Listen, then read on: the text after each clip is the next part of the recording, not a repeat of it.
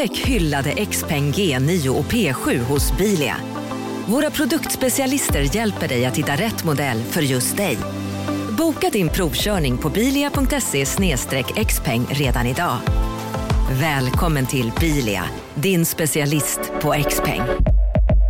Ja, Hallå? Pizzeria Grandiosa? Jag vill ha en Grandiosa capriciosa och en pepperoni. något mer? Med kaffefilter. Ja, Okej, ses samma. Grandiosa, hela Sveriges hempizza. Den med mycket på. CSRD, ännu en förkortning som väcker känslor hos företagare. Men lugn, våra rådgivare här på PWC har koll på det som din verksamhet berörs av. Från hållbarhetslösningar och nya regelverk till affärsutveckling och ansvarsfulla AI-strategier. Välkommen till PWC.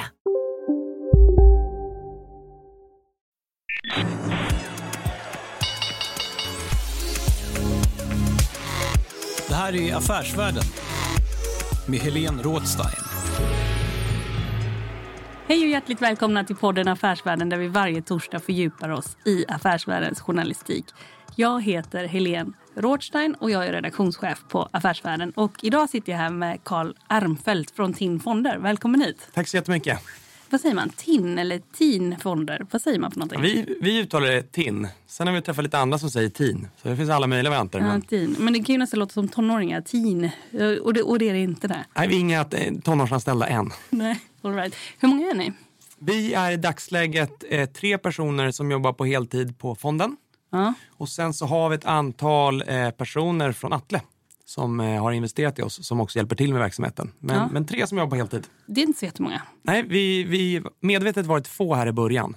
Mm. Eh, och tanken är egentligen på sikt att, att, att bygga ett lite mer digitalt fondbolag. Vissa bitar av verksamheten finns det ingen poäng att vi gör själva på TIN. Utan då är det bättre att vi använder oss av best of breed, använder oss av eh, externa leverantörer. Till exempel backoffice, middle office och så vidare. Allt sånt går faktiskt att hitta eh, bättre leverantörer än att göra själva i dagsläget.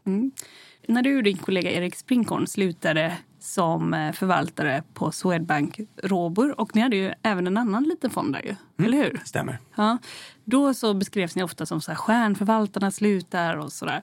Vad säger du om det epitetet? Jag vet inte, jag tycker stjärnförvaltare brukar vara clickbait på vissa online-plattformar. Ja, ja, så är det ju faktiskt. Börsexperterna är ju ett annat sånt clickbait. Själv, Ja. jag, jag tycker ofta när folk pratar om saker, så jag gillar själv Mm. att lyssna på personer som tar positioner, som investerar pengar. Mm. Och det är många som har väldigt mycket starka åsikter när man är, där man inte själv investerar. Och då är väldigt mycket, det är lätt att ha en åsikt.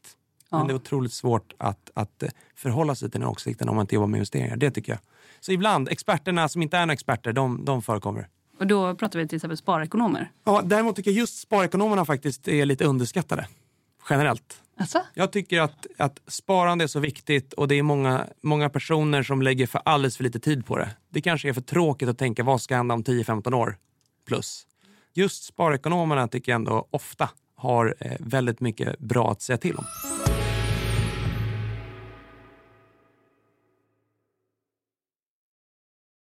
Marknaden sponsras av SPP, pensionsbolaget. Eh, Förra gången pratade vi lite om ITP. Och som en kort repetition så, så var det ju 70-tal, arbetsmarknadens parter bestämde att alla tjänstemän ska ha en tjänstepension. Man kom överens om vilka villkor som ska gälla i den här pensionen och så kallade man den för ITP. Så jobbar man idag som tjänsteman i ett företag med kollektivavtal, då har man förmodligen den här pensionen, ITP-pensionen. Eh, och det är ju så att man kan påverka eh, den här pensionen, hur den är placerad. Vart femte år så gör nämligen Collectum, som de heter, en enorm upphandling där olika pensionsbolag kan ansöka om att få förvalta eh, de här pensionerna. Och SPP är ett av bolagen som valdes ut i den senaste upphandlingen. Och sen kan du som pensionssparare välja eh, vilket av de här olika pensionsbolagen som, som då ska få ta hand om dina pengar. Och tanken med den här upphandlingen det är ju att liksom kvalitetssäkra de här olika alternativen eh, men också att förhandla fram stora rabatter så att pensionsspararna ska få ja, kunna spara pengar genom att avgifterna eh, som är så viktiga eh, blir eh, lägre. Och vill man välja någonting i ITP-systemet då finns det en relativt ny sajt som heter avtalat.se. Ehm, där kan man gå in och se hur sin ITP-pension är placerad. Jag gjorde det häromdagen faktiskt. Ehm, idén är att hälften av pengarna alltid ligger i något som kallas för traditionell försäkring. Det här gjorde vi ett avsnitt om i podden Kapitalet nyligen eh, som vi kallade världens bästa sparform. kan man lyssna på om man är intresserad. Eh, den andra halvan eh, den kan man också lägga i en traditionell försäkring eller så kan man placera det i något som kallas för fondförsäkring. Ehm, SPP som sagt eh, var ju ett av de fåtal bolagen som valdes ut i den senaste upphandlingen och de finns med som alternativ både med en traditionell försäkring och med eh, fonder. Så det var en liten bakgrund till ITP-systemet. Vill man läsa mer om det här eller typ kolla hur ITP-pensionen är placerad, eh, kanske göra förändringar, då går man in på avtalat.se. Eh, men tack säger jag till SPP som vill göra oss människor mer medvetna om hur enormt viktig pensionen är för oss som en framtida lön, men också som en positiv kraft i samhället eh, och förstås för att ni möjliggör eh, den här podden Marknaden. Du lyssnar på Affärsvärlden Magasin med Helene Rådstein. Hur länge har du själv hållit på med investeringar? Jag har jobbat lite mer än tio år. Mm. Eh, mitt första jobb var på Brummer Partners. Där jag mm. började som analytiker mm. på en hedgefond. Mm. Eh, så jag har egentligen jobbat med aktier och förvaltning och investeringar hela min karriär. Med mm. lite olika roller. Och då jobbade du och Erik ihop där också va? Ja, ja. Hur var det att vara där? Det är ett ganska intressant ställe. Det som var inspirerande med Brummer var att de satte alltid avkastning högst upp på agendan. Man kände ändå att det var en firma som verkligen ville skapa bra produkter och skapa bra avkastning. Det låter ju som en ganska självklar sak, men nej, det är det inte. Många företag har ibland blivit lite för stora. Mm. Framförallt om man kollar på pensionssystemet. Mm. Det är en otroligt dålig rörlighet i kapital. Mm.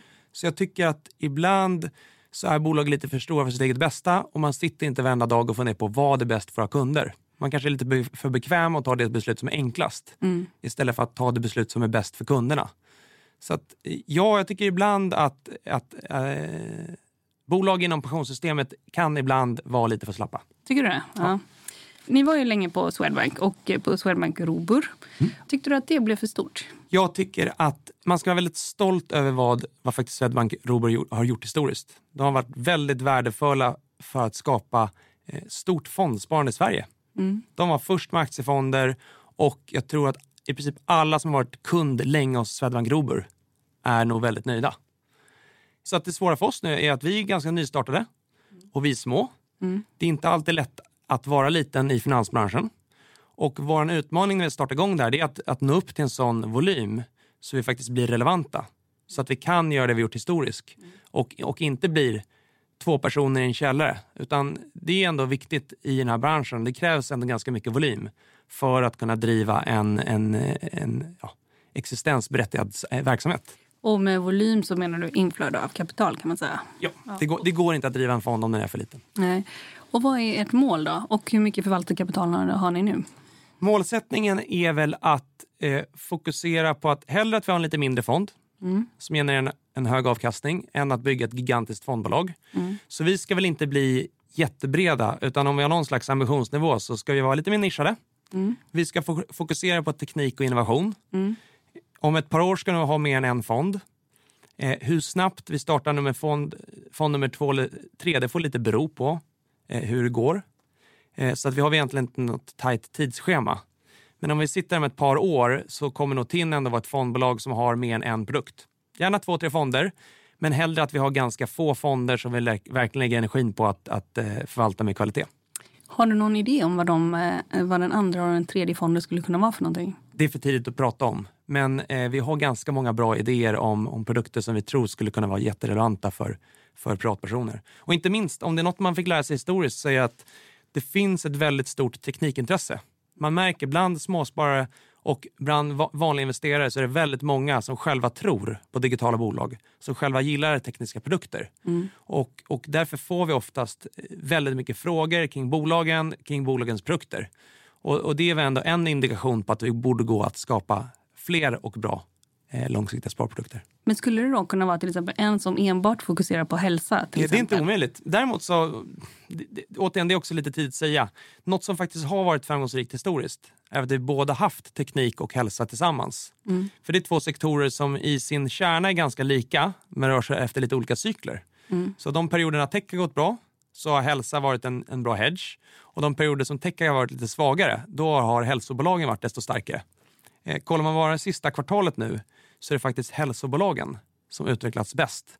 Och inom, inom eh, några av de andra områdena som fonden investerar så har det faktiskt varit lite eh, svagare kursutveckling. Om vi då tar lite hälsobolag, vilka innehav som ni har, är det då som har gått bäst skulle du säga nu? Sista halvåret så har det varit, eh, vi har två bolag inom robotkirurgi. Ett bolag som heter Surgical Science och ett bolag som heter Mentis. Eh, båda väldigt små, snabbväxande bolag som båda faktiskt är eh, lönsamma i dagsläget eh, och är duktiga inom en liten nisch. Båda har varit relativt kort på börsen men är ändå bolag som, som verkar inom sektorer som är ganska snabbväxande. Robotkirurgi blir större och de här bolagen har eh, väldigt intressanta produkter. Och Surgical Science, det är de som har de här VR-glasögonen till exempel. Ja, man- VR har de kanske någon sån här produktdemo. Ja. Men huvudprodukten så har de faktiskt en skärm. Ah, det största så? produkt. Ah, okej. Så dels gör de då hårdvara där man som, som kirurg får stå och träna på ingrepp. Och det används mycket i utbildningssyfte. Men det som är det stora värdet i bolaget är att de är en stor mjukvaruleverantör. Och det är till de som är, bolagen som är då, eh, instrumenttillverkare. Så är du ett bolag som till exempel gör då titthållsutrustning och vill träna doktorer eller vill göra en studie för att godkänna de här produkterna inom EU eller USA. Då kan du använda dig av, av eh, Surgical Science mjukvara för att simulera. I dagsläget som kirurg så finns det inget standardiserat sätt att testa hur duktig är kirurgen och mäta hur många operationer har man gjort. Ja, det- Så det, det håller på att förändras eh, ganska snabbt. Ett annat bolag som håller på lite så här för, med simuleringar så här, är Tobii. Mm. Och där, har ni något innehav där också? Eh, Tobii har vi inget innehav i. Eh, vi har träffat dem många gånger. Och eh, Det är ett bolag som är lite mer hårdvaruorienterat. Och vi har ju en förkärlek för bolag som har lite mer mjukvara och som faktiskt är lönsamma. Och jag tror inte att de har uppnått lönsamhet än. I alla fall inte sist jag läste eh, årsredovisningen. Lönsamhet det ska vara högt upp. Lönsamhet är viktigt för oss och det är framförallt inom teknik. Eh, hittar du intressanta bolag. Så det är jättelätt att hitta en, en presentation som man blir exalterad över. Någon typ av trend. Ja. Det kan vara VR, AR, robotar, Ja. you name it. Ja. Men det är sån enorm skillnad på bolag när de faktiskt hittat externa kunder, när de växer med riktig intjäning och när de tjänar pengar. Det ger en helt annan kvalitetsstämpel. Och eh, det här som du sa innan, så här, när eh, hälsa går starkt, går teknik svagt och sådär. Är det liksom något som, kan man överhuvudtaget tänka att det är en trend som håller i sig? Eller vad, hur skulle den icke-korrelationen eh, kunna bestå? Poängen är bara att har du en väldigt renodlad teknikfond så tenderar de ibland att röra sig väldigt mycket. Det blir liksom ett högt beta. Och det här är ändå en lite bredare innovationsfond. Ett exempel, vi har ett, ett mjukvarubolag i Australien, Xero. Det är en konkurrent till svenska Fortnox. Ja. De gör då, Som ni också har väl? Ja, som jag också har. De gör cloudmjukvara för, för redovi, redovisning för små och mellanstora bolag. Det är ett bolag som eh, vissa dagar när Stockholmsbörsen är 2% och eh, Nasdaq faller som en sten, då, det- då kan det hända att de stänger upp.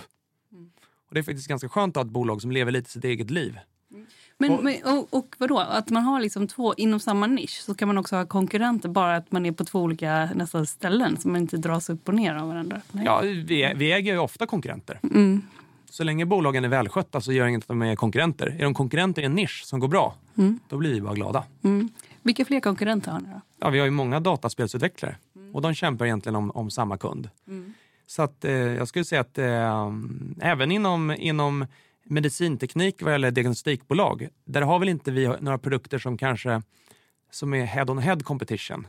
Men det är ändå väldigt snarlika produkter. Och vi har ändå flera bolag som skulle kunna utveckla en produkt eh, som är exakt identisk med, med något annat innehav. Och, men vad det gäller dataspelsutvecklarna, då har ni Paradox och Embracer som tidigare var då eh, THQ. Ja, vilka mer har ni då? I Storbritannien så har vi ett, ett litet brittiskt bolag som heter Frontier som påminner om Paradox, specialiserar sig på managementspel. Eh, de släppte sin sista titel i veckan, ett spel som heter Planet Zoo. Har legat faktiskt etta på Steam en, eh, den här veckan. Det som är lite kul med den titeln är att det är faktiskt en av få titlar där intresset är större bland tjejer än bland killar. För det är inte så många som, som har sådana titlar på PC. Är detta den nya managementromanen vad det gäller bestseller, tror du? Ja, kanske. Det är, I alla fall så är det ett spel som har hittills blivit ganska populärt på Twitch. Ja, okej. Ja, Världens största tv-kanal för dataspelare. ja, okej. Brukar du hänga där? Ja, vi brukar ibland gå in och kolla lite när, om något innehav har släppt ett nytt, en ny produkt. Du Många måste ju ändå själv spela en hel del för att fatta, eller? Eh, jag spelar lite grann, Ja, inte spelar- jättemycket. Va, va, va, vad spelar du då? Jag tycker, eh, sista titeln jag faktiskt testat det är en titel som heter Kerbal Space Program. Ja. Och det var en liten, liten indie-studio som köptes ut av Take-Two som har gjort största innehav. Ja. Eh, Det är en, en rymdsimulator där man bygger, eh, bygger rymdraketer. Take-Two är en amerikansk eh, spelutvecklare. Vilket utav deras spel tror du på här framöver? Där det är mest diskussion är ju kring när och om, sig när, de ska släppa GTA 6. GTA 5 är den största underhållningsprodukten som någonsin existerat. Mm, ganska våldsamt spel kan man väl säga. Ganska våldsamt spel. Eh, Och, Spännande eh, kanske man kan säga också, eller? Och spännande, men otroligt populärt både på PC och konsol. Eh, Så det är väl den titeln som, eh, som flest går under på. När ska GTA 6 komma? Men, men Take-Two det är ett bolag som har väldigt många starka varumärken. De är inte så enbenta som ens eh, Activision Blizzard. Utan de har många starka varumärken. Eh, allt från sportspel till GTA. Och Det är också ett bolag som har ett stort självförtroende över att de har en väldigt stark pipeline de kommande tre fyra åren med starka titlar. Mm. det är ett bolag också som de är väldigt besatta av kvalitet. De släpper inget halvfärdigt utan när de gör något så gör de det med otroligt stor budget men de gör det med otrolig passion och vill verkligen att det ska vara eh, bra. Om vi då tar eh, Embracer då. Det är väl framförallt, det är inga nya titlar då som kommer utan det är framförallt en klassikerlåda kan man väl säga. Att han skapar det här i, i Värmland är väl Det, baserad. det man kan säga är att det här värmländska bolaget då, Embracer, de började sin resa med att göra väldigt mycket asset care. Att de köpte ett bibliotek med gamla titlar där man gjorde en liten facelift. Så det var inga stora utvecklingsprojekt. Därefter så har de gjort ett stort antal förvärv. Och där är det två, tre förvärv som är lite mer av AA och AAA-studios. Så nu, där vi står och går idag, så är det en firma som har en bred pipeline av egenutvecklade spel. Så för två, tre år sedan, ja, då var det bara asset care som gällde. Men nu så ska vi säga att det viktigaste värdedrivande bolaget är egenutvecklade nya spel. På bevisade varumärken, men fortfarande så är det nya titlar.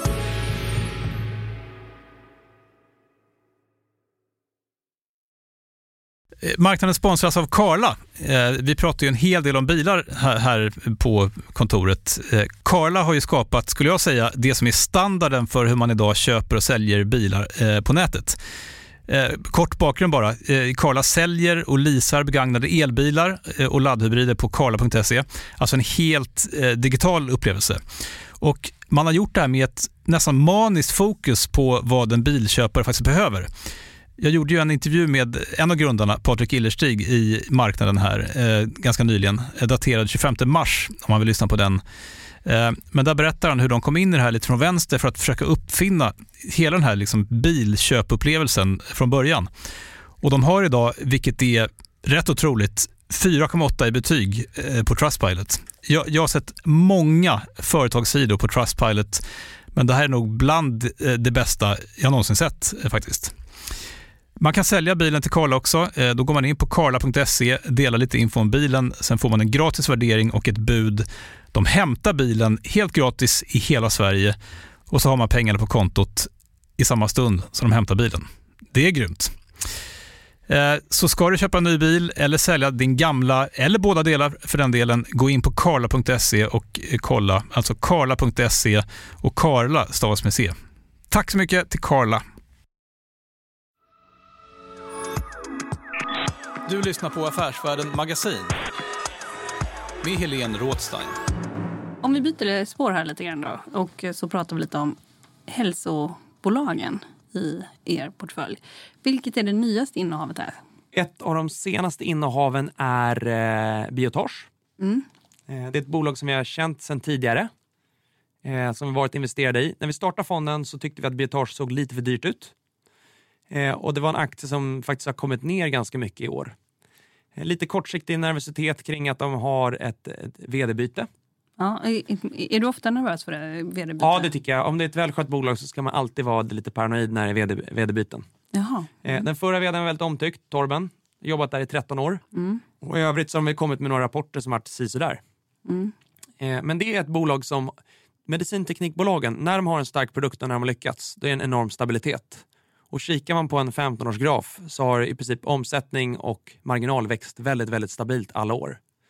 Och det är ett bolag som har hittat en väldigt attraktiv nisch.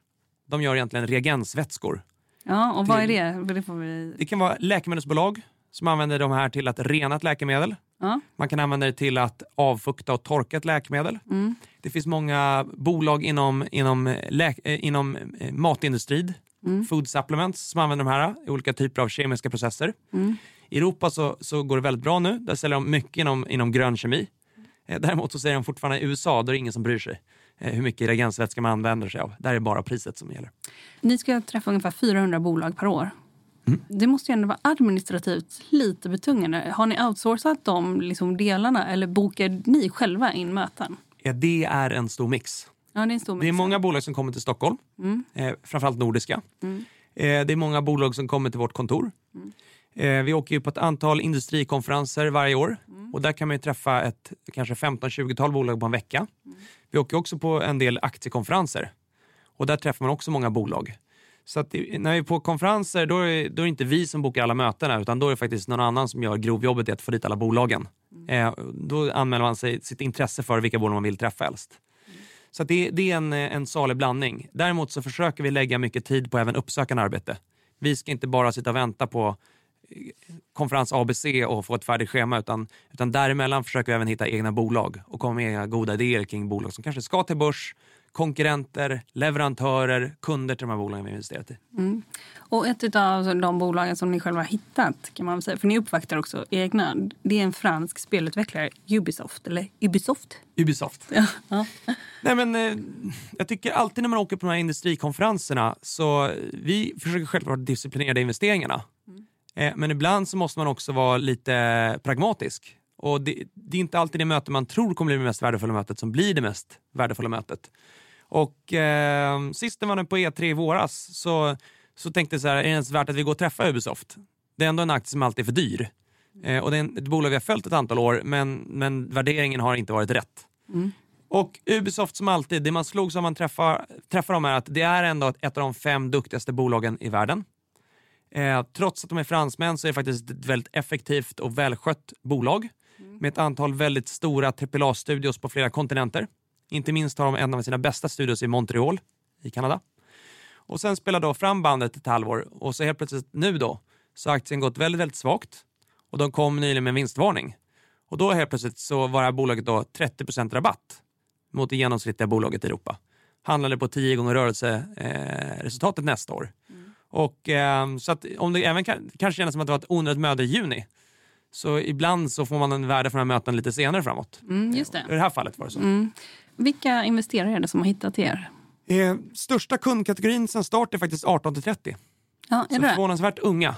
Mhm. Också de, de kanalerna där vi har fått flest kunder har ju varit liksom via Avanza Nordnet. Eh, kanaler där man själv väljer. Eh, det har inte li- gått lika snabbt fram på kanske lite mer traditionella plattformar. Eh, men eh, det har varit en stor blandning, men vi har fått väldigt många kunder i alla fall. Eh, över 60 000 kunder sedan start. Eh, och vi har främst riktat in oss mot, eh, mot vanliga investerare och småsparare. Inte så mycket mot institutioner än. Ska ni göra det? Jag tycker att vi ska finnas på, på alla plattformar och vända oss mot alla typer av investerare. Men alltså, institutioner behövs ju för att om man ska kunna påverka och så behöver man ju mycket kapital och som institutionerna har. Fördelen med, med småsparare är att de tenderar ibland att vara mer långsiktiga. Ja, Om du har 60 000 kunder, då är det 60 000 personer som ska ta ett beslut. Mm. Har en stor institution, ja, då kan det komma ett brev på posten och säga att ja, nu sticker vi nästa vecka. Så, att, Ah. eh, så att, Mm. det finns en fördel med, med, för och nackdelar med allt. Eh, men däremot, om vi ska kunna vara långsiktiga i våra investeringar, då vill vi finnas på flera plattformar. Just för att om vi har ett mer stabilt kapital, då kan vi, behöver vi inte fundera på vad ska vi köpa som funkar det här halvåret, utan vi hittar bolag som är bra på fem och tio år. Har ni veto? Eh, vi kör inte så mycket med, med veton. Nej? Vi kör lite mer laid back. Ja. Om, någon, någon, om någon hittar ett bolag och brinner för det starkt, ja men då kan vi köpa in en liten instegsposition. Eh, sen kanske vi träffar bolaget och det har gått ett år och man känner sig mer bekväm och verksamheten har gått åt rätt håll. Ja, då kanske man tar ett gemensamt beslut att öka positionen. Mm. Ni har ju också Evolution Gaming. Och vad är de? De är underleverantör ju till en marknad som håller på att superregleras och sådär hela tiden. Har du varit på Malta på senare tid? Eh, jag var på Malta i våras. Ja. Eh, det var väl kanske i maj senast. ja. Hur var stämningen där? Eh, stämningen där var att eh, bara för att det inte snöar i Stockholm så kan det finnas snö i Åre. Det var väl känslan. Så det är en marknad som är tuffare nu än tidigare i Europa. Eh, Sverige och Storbritannien har blivit tuffare för aktörer. Samtidigt så är det ändå en marknad som växer i det större perspektivet. Och ibland när man läser svensk press blir man lite för negativ. Eh, för att operatörerna haft det väldigt tufft i den här omregleringen som har skett. Ja. Inte minst Kindred som också är ett stort innehav hos er väl? Exakt. Ja. Och, och, och det man hade hoppats på var ju att, eh, att den här regleringen skulle innebära att det var de hela och rena som var kvar och själva med en hög kanaliseringsgrad kunde driva verksamhet i Sverige. Eh, och kollar man på många andra återregleringar i både Storbritannien och Danmark så har man ju lyckats med det.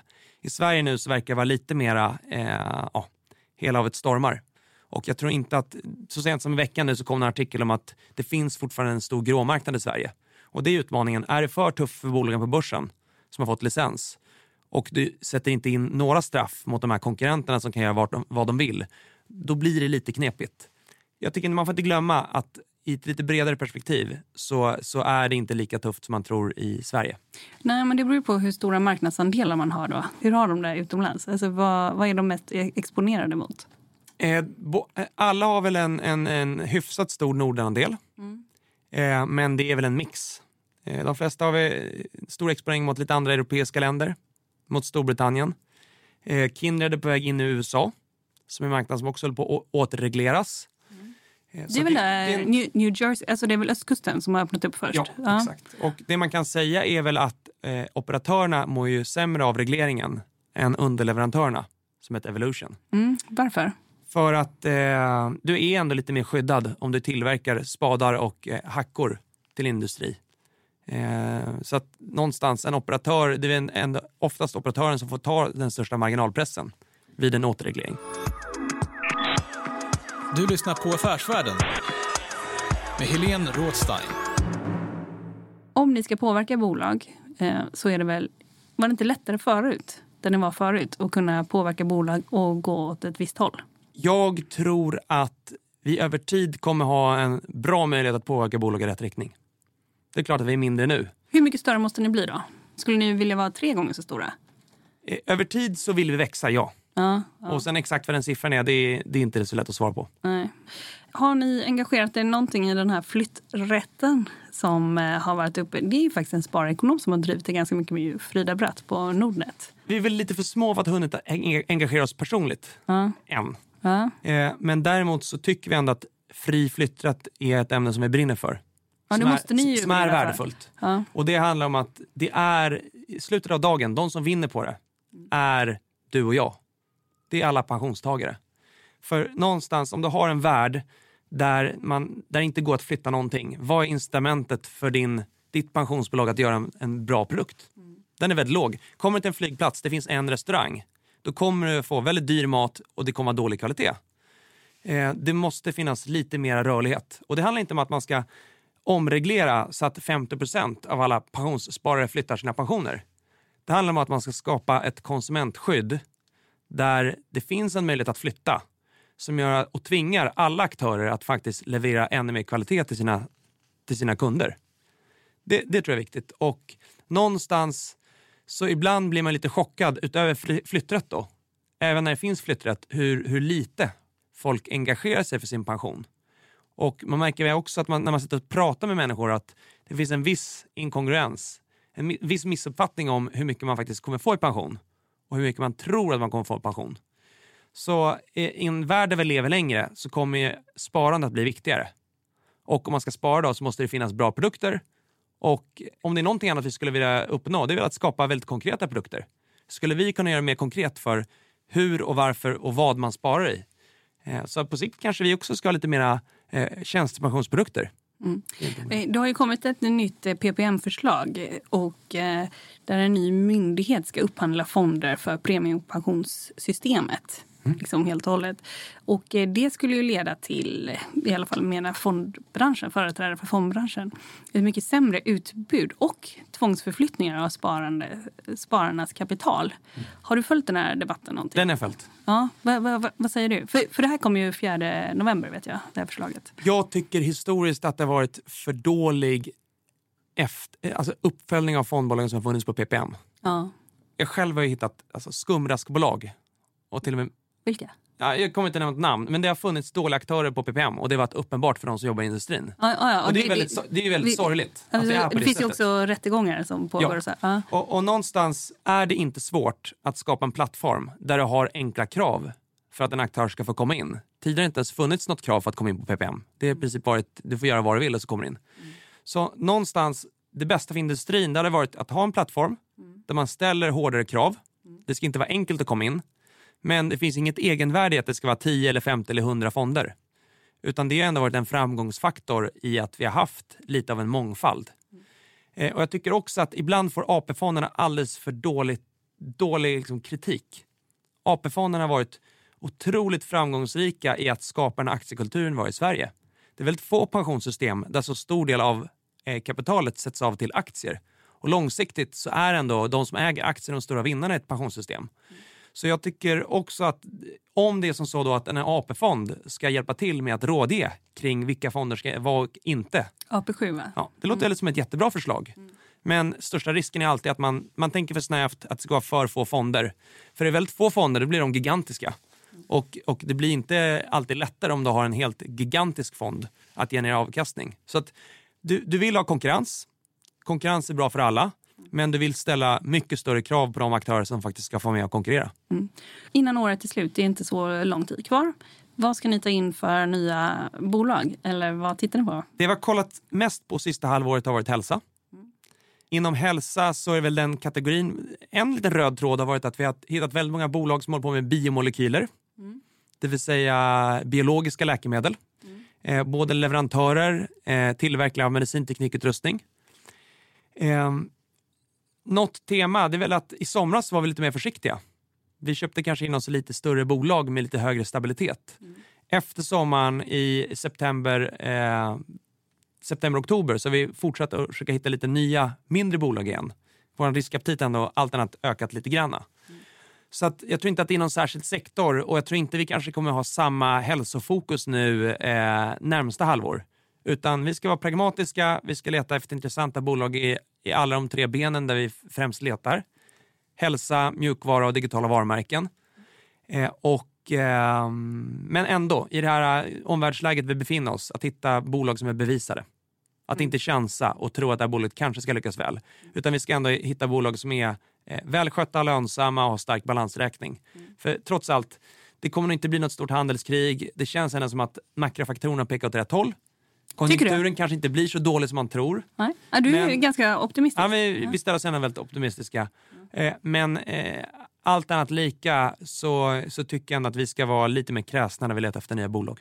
Jag vet jag intervjuade en gång eh, en av Primetimes grundare här som också pratade om interaktiv underhållning. Liksom, är det här nya tidens tv? tror jag att det avsnittet hette. Men vilka, se, vilka trender ser du där som är liksom bortom film och bortom kanske spel som handlar om interaktiv underhållning? Eh, om man sätter på sig versionärsglasögonen och funderar på om tio år då. Så jag har kört några sådana VR-demos. När du tar kända varumärken som ett Star Wars och sen så gör en interaktiv underhållning där du får träffa de här äh, figurerna som du känner väldigt väl och du inte bara observerar filmen utan du är en deltagare i filmen. Och det är klart att om man vill på väldigt längre sikt så kanske sådana typer av underhållningsprodukter kommer bli väldigt populära. Men framförallt pratar du nästan om en hybrid mellan film och spel kan man ju säga. Ja, framförallt när, när, när det blir så otroligt eh, verklighets... När, när grafiken blir så eh, realistisk så du knappt kan skilja mellan dataanimerat och riktigt. Då kan du verkligen skapa sådana produkter. Så det är inte omöjligt att, att vi är på väg dit. Och det kanske är så att när du kollar på Netflix om 15 år så kanske inte bara är linjär underhållning utan det kanske, är mer, kanske finns interaktiva format också. Det är inte omöjligt. Karl Almfelt från TIN Fonder, tack för att du var med i podden Affärsvärlden. Tack! Du har lyssnat på podden Affärsvärlden som varje vecka fördjupar sig i affärsvärldens journalistik. Men den pågår ju hela tiden på affärsvärlden.se och i appen. Givetvis också i våra magasin som kommer ut varje vecka. Det är inte så många näringslivsmagasin i världen nästan som kommer ut varje vecka. Men podden Affärsvärlden den är tillbaka nästa torsdag. Håll ut!